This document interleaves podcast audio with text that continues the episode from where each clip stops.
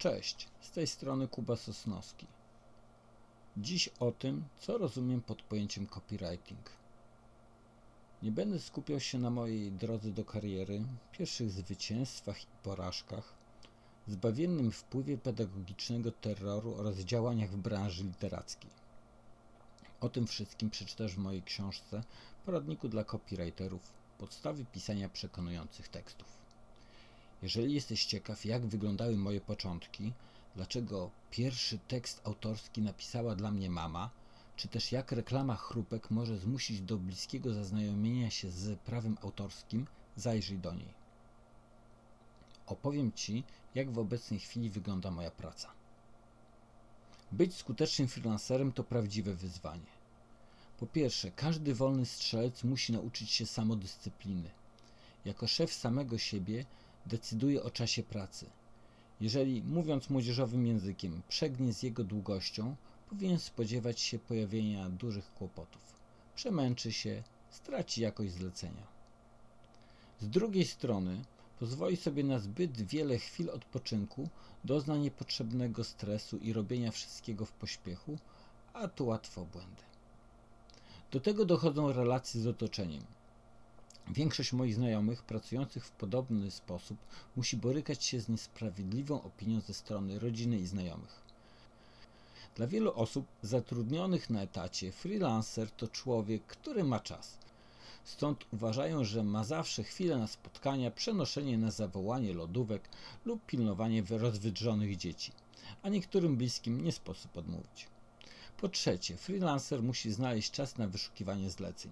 Na dzień dzisiejszy posiadam stałych klientów, ale ich zdobycie wiązało się z ogromną ilością rozmów telefonicznych, mailowych, a czasem długich wyjazdów.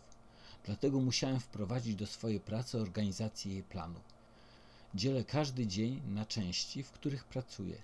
Sprawdzam pocztę, czy też mogę pozwolić sobie na odejście od komputera. Musiałem wprowadzić do swojego życia zasadę: przedsiębiorcą jesteś całą dobę, 7 dni w tygodniu bowiem zlecenia najczęściej napływają falowo. Raz masz mniej zamówień, raz więcej. Dlatego jeśli klient potrzebuje tekstu w ciągu weekendu, dostarczam mu go. Na końcu została satysfakcja. Rozumiem ją dwojako. Z jednej strony są to chwile, gdy klient dzwoni przed północą z prośbą o pomoc, bo wie, że copywriter mu doradzi. Z drugiej określam nią uczucie, gdy widzę, że wykonana praca służy zleceniodawcy – pojawia się w przestrzeni publicznej. Copywriting jest więcej niż pracą. To styl życia. Jestem uzależniony, nie ukrywam tego, od słowa pisanego. Odkąd prowadzę działalność, są to w większości materiały związane z pracą, od tekstów do czytania po te do wygłaszania, w mniejszej utwory literackie i te z gatunku krytyki. W okresie studiów proporcje były odwrotne. Piszę zarówno w domu, pracy, pociągu. A jeśli tego nie robię, oznacza to, że czytam książkę, oglądam film lub spędzam czas z rodziną, z przyjaciółmi, ze znajomymi. Ogromną wagę przykładam również do reklam.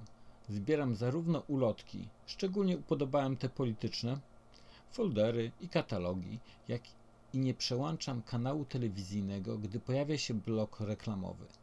Wiele osób dziwi się temu, jednak dobrze wiem, że prace konkurencji mogą stanowić świetną inspirację do moich kolejnych działań. To będzie na tyle. Zapraszam Cię do słuchania tego podcastu i odwiedzania strony www.napisztekst.pl. Pozdrawiam serdecznie. Kuba Sosnowski.